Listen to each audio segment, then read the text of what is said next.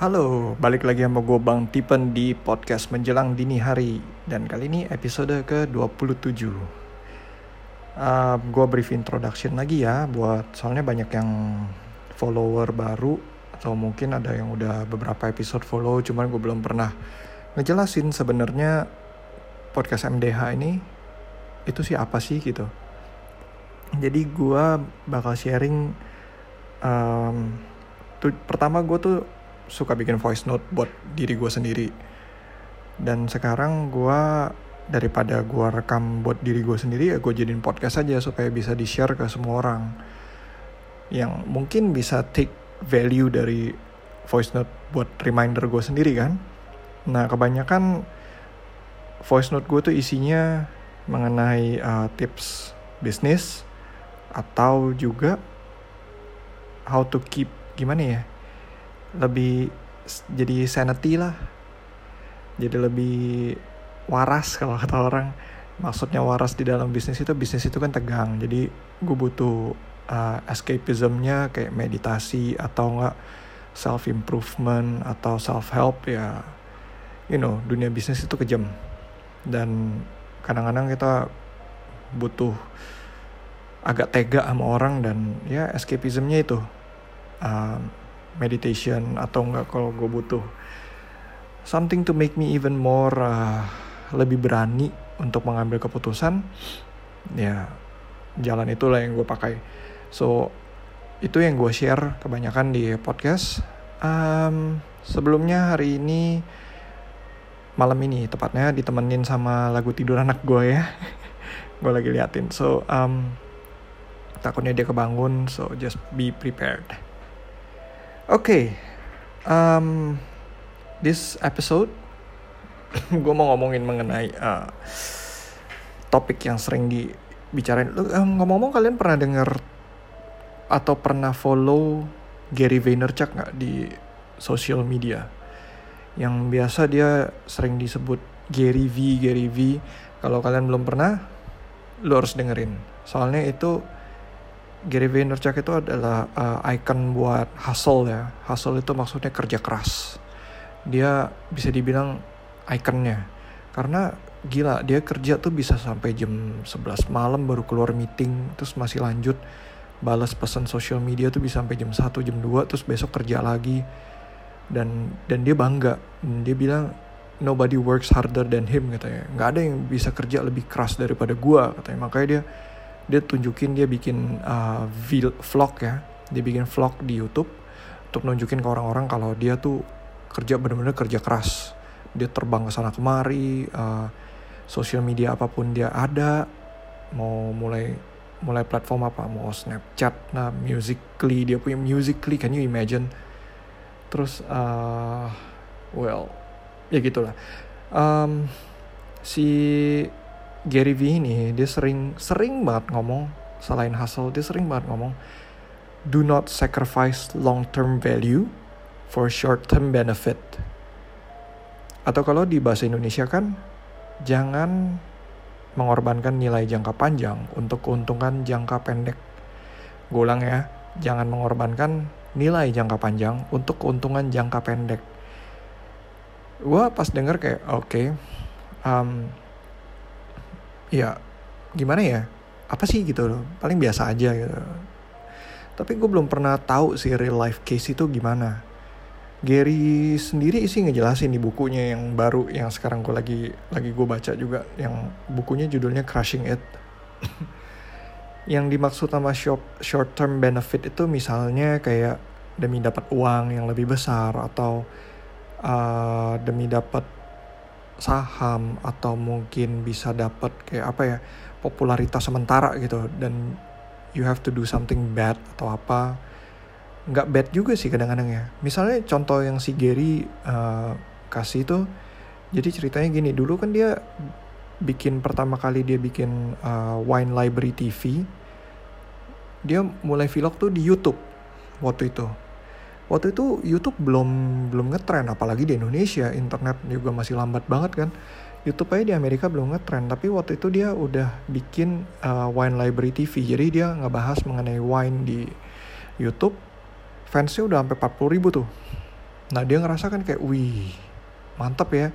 Dan dia merasa ini kan the next big thing ya. Well kita udah bisa jelas kelihatan it is really the next big thing tapi waktu itu dia ngerasa uh, uh, sorry sorry bukan tapi ya. Dan waktu itu ada kayak orang-orang yang nawarin dia kita juga mau bikin tandingannya YouTube nih gitu. Lu mau join nggak? Lu join lu bawa popularitas lu ke platform kita dan kita kasih lu saham.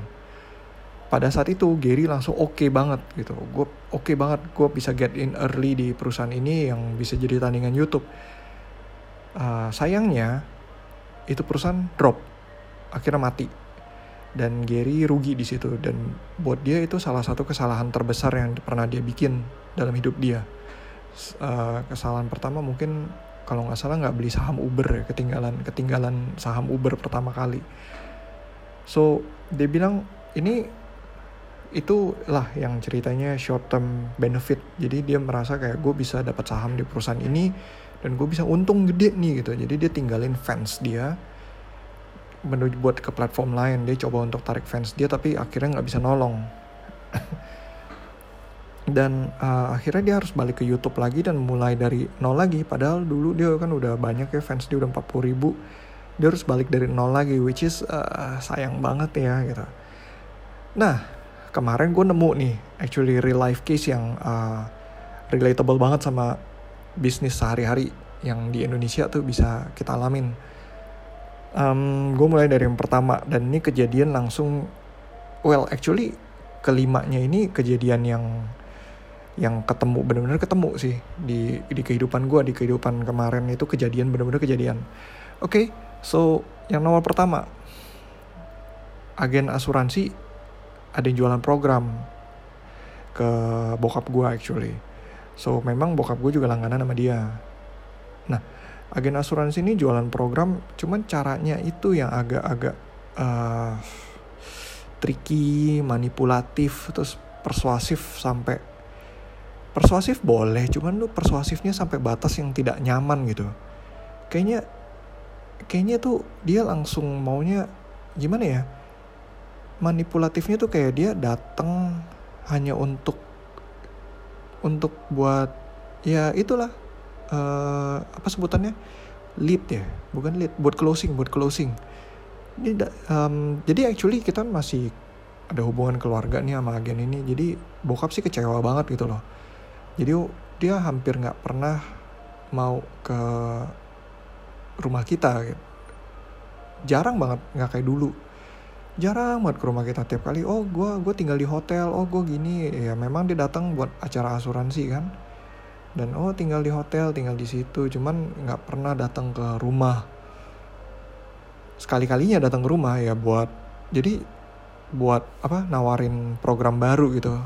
Nawarin buka polis baru buat anak gua lah katanya buat cucu bagus bla bla bla dan apa. Um, belum lagi kayak ya intinya begitulah ya. Gue nggak perlu cerita terlalu panjang lebar. Jadi problemnya tuh dia uh, tekniknya tuh nggak nggak bagus gitu. Very manipulative. Jadi waktu itu bokap gue udah pada udah bilang gue belum dulu gitu. Gue udah buka polis sama lu banyak banget lu tawarin yang lain lah. Gue udah cukup kali gitu. Dia kayak bokap gue memang punya banyak sih polis sama dia ya. Berhubung pikirin keluarga kan. Dan ya kita harapannya kan dibantu. Programnya juga bagus ya sudah gitu masuk kan. Cuman dia kayak ngerasa satu sumur ini ada airnya dikeruk terus sampai dalam gitu. Terlalu dalam sampai bokap gue nggak nyaman dibuka lah. Oke lah gue buka sama lu gitu. Tapi habis itu kan ada uh, bokap gue diharuskan untuk check up lagi. Nah check up lagi itu posisinya tuh harus di di mana? Di saat di di Malaysia. Bokap gue pikir ya Penang aja lah ya. Penang kan murah. Oh nggak usah uh, ke ibu kota aja ke KL katanya. Ke KL yang akhirnya menimbulkan ya udah dong pikir kan ya sudah lu suruh gue check di situ dan ini asuransi yang membutuhkan gitu kan. Asuransi yang minta. Ya sudah dia pergi ke sana laporan dan lu tau harus bayar lo udah harus bayar asuransi ternyata perusahaan nggak mau uh, terima klaim buat check itu. Katanya um, istilahnya kayak lu yang mau gitu. Padahal kayak dude kita nggak mau. Dan kita tuh prefer yang di Penang ataupun bahkan kalau bisa lokal aja. Tapi kan bukannya kita diinsis untuk pergi ke sana. Nggak taunya ya enggak gitu. Everything is just trick. Gue juga nggak ngerti kenapa intinya akhirnya bokap mau cancel semuanya baru diusahakan untuk dikeluarin dananya gitu. Dengan cara apa pun. Jadi intinya masih ada uh, defisit di sana. Jadi masih ngutang oke? Okay? nah sebenarnya yang kayak gini-gini tuh yang bikin sales itu namanya jelek ya. Jadi memang sales itu kita ngerti lah namanya sales itu lu harus uh, kalau kata Grant Cardone ya we have to increase speed and cut down time gitu. Perpendek waktu tingkatkan decision making kalau bisa langsung closing saat itu juga. Cuman kan ya dengan cara yang dengan cara yang bagus lah dengan yang sesuai dengan uh, apa ya jangan cuma mementingkan kepentingan kita gitu. Lu kan harus kasih solution ke pelanggan. Dan kalau memang intinya kalau it is solution buat dia gitu lu boleh lah lu cut down time. Tapi kalau memang ini solution bukan buat dia dan tapi lu trick uh, dan manipulate dia punya decision cuman gara-gara buat kepentingan lu padahal itu nggak berguna buat dia itu kan kayak man makanya itu bikin nama dia bikin nama sales itu banyak yang rusak kan makanya banyak perusahaan tuh ganti nama kayak basically they are sales tapi diganti nama kayak account consultant lah, consultant lah, agent lah, account executive lah, lain-lain lah. Cuman intinya they are sales. Tujuan mereka ada di situ tuh buat nyari pelanggan baru. Tapi mereka make different kind of names buat just to make the name sales is not that bad you know. Oke okay, itu satu. Itu itu kenapa paling panjang? Soalnya itu paling itu itu bisa dibilang like the biggest shit ever man. Oke okay, yang kedua. Terus ada kayak gue nemuin uh, toko sebuah toko yang ukuran jadi kita jualan plastik kan plastik mika gelondongan gitu atau karpet karpet karpet yang biasa buat taplak meja kadang-kadang tuh. Jadi toko ini jualan itu terus dia kayak ukurannya dioplos men jadi misalnya ada yang satu ukuran satu mili satu lagi 0,9 nah itu dia order sama uh, pabriknya produsennya kayak gue minta satu mili 100 0,9 mili 100 nanti dicampur jadi satu tuh dioplos. Dioplos digabungin dalam satu gudang satu rak. Jadi pelanggan yang ambil ya itu. Jadi intinya kayak kalau misalnya di komplain oh oh ya paling namanya pabrik produsen nggak stabil bisa 09 ya wajar lo pakai lah gitu loh kadang-kadang pelanggan tutup mata daripada repot. Cuman problemnya ada pelanggan tuh yang udah dikasih tahu tapi masih nggak mau dengar gitu. Nggak mau denger dari udah istilahnya kita udah educate ya customer tapi mereka nggak mau tahu karena susah ngomong ya. Kadang-kadang memang ada yang uh, kebetulan toko ini juga dapat support dari suppliernya yang kita juga kenal sama suppliernya kita dapat mereka dapat support ekstra dalam tanda kutip ekstra. Terus juga pelanggan-pelanggan yang dekat sama dia juga pelanggan-pelanggan yang ekstra dalam tanda kutip which means uh, ya tipe-tipe jenisnya sama lah. Um, suka ngambil ukuran a bit corrupt. Terus uh, ya gitulah. Oke okay. itu kan tadi gue udah ngejelasin retail sama agent sales ya. Kalau industri gimana?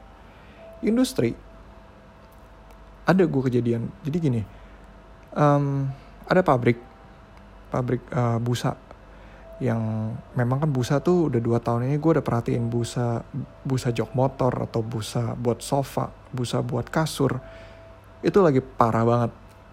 Pasarannya parah banget karena harga naik melambung tinggi bahan baku langka semua semua serba salah. Jadi demi bersaing di pasar sepi begini mereka turunin harga kayak di bawah harga pasaran. Kayak kita semua kayak gila men bagaimana mereka bisa jual gitu. Hebat ya tapi akhirnya ya kualitas yang dikorbanin. Untungnya pembeli pada tahu gitu. Kayak kok beda ya? Awal-awal nggak tahu. Awal-awal nggak tahu. Ini dia yang orang bilang. Awal-awal banyak yang nggak tahu. Pas sudah tahu baru langsung kayak oh gue udah nggak mau beli lagi dari pabrik itu. Karena emang kualitasnya jelek. Beda harga cuma 5% kok 5% kadang-kadang kalau dipikir-pikir ya orang Indonesia tuh lucu. Nyari selalu yang murah misalnya kayak lu beli busa kasur busa itu yang uh, murah banget. Anggap harga 30 ribu ya. Tapi seminggu kempes. Sedangkan ada harga di misalnya di pasar 200 ribu. Itu kan berarti dari 50 ribu eh tadi gue bilang bapak 50 ribu ya?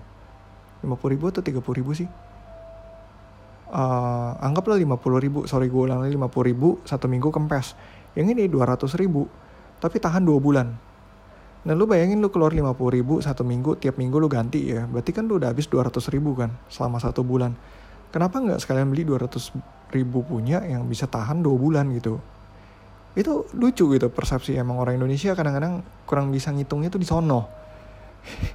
Jadi har ada harga tuh ada barang.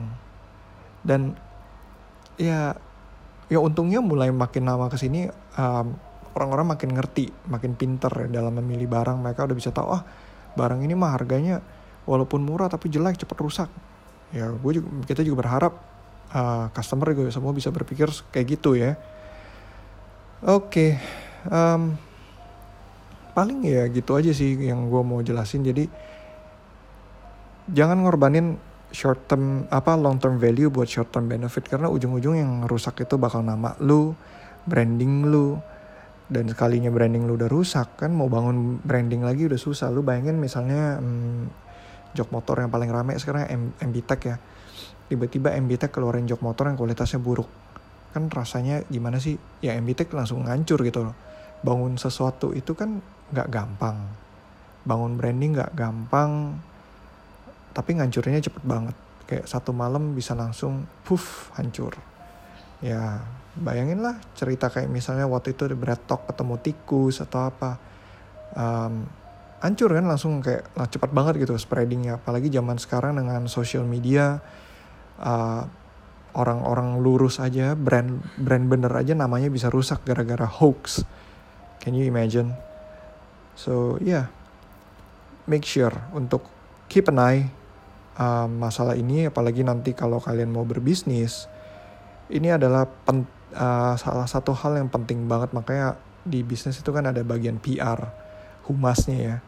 Bagian humas tuh buat um, ngecek-ngecek di media.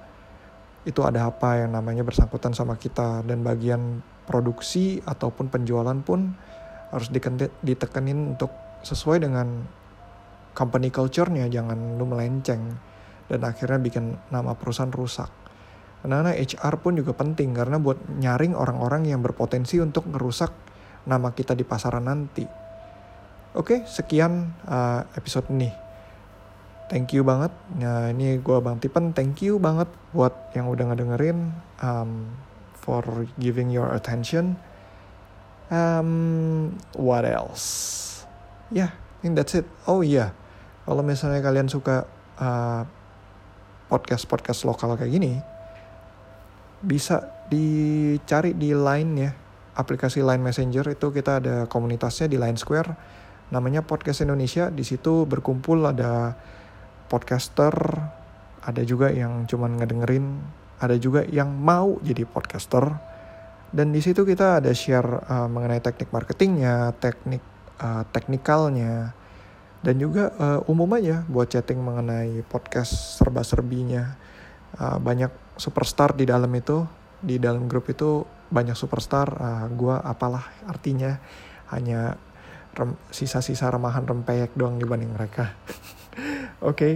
um, yang mau nyari gua bisa DM direct message di Twitter ataupun di Instagram at Bang Tipen atau enggak email di menjelang dini hari at outlook.com Okay? So I'll see, I'll talk to you soon. Bye bye. Have a good night.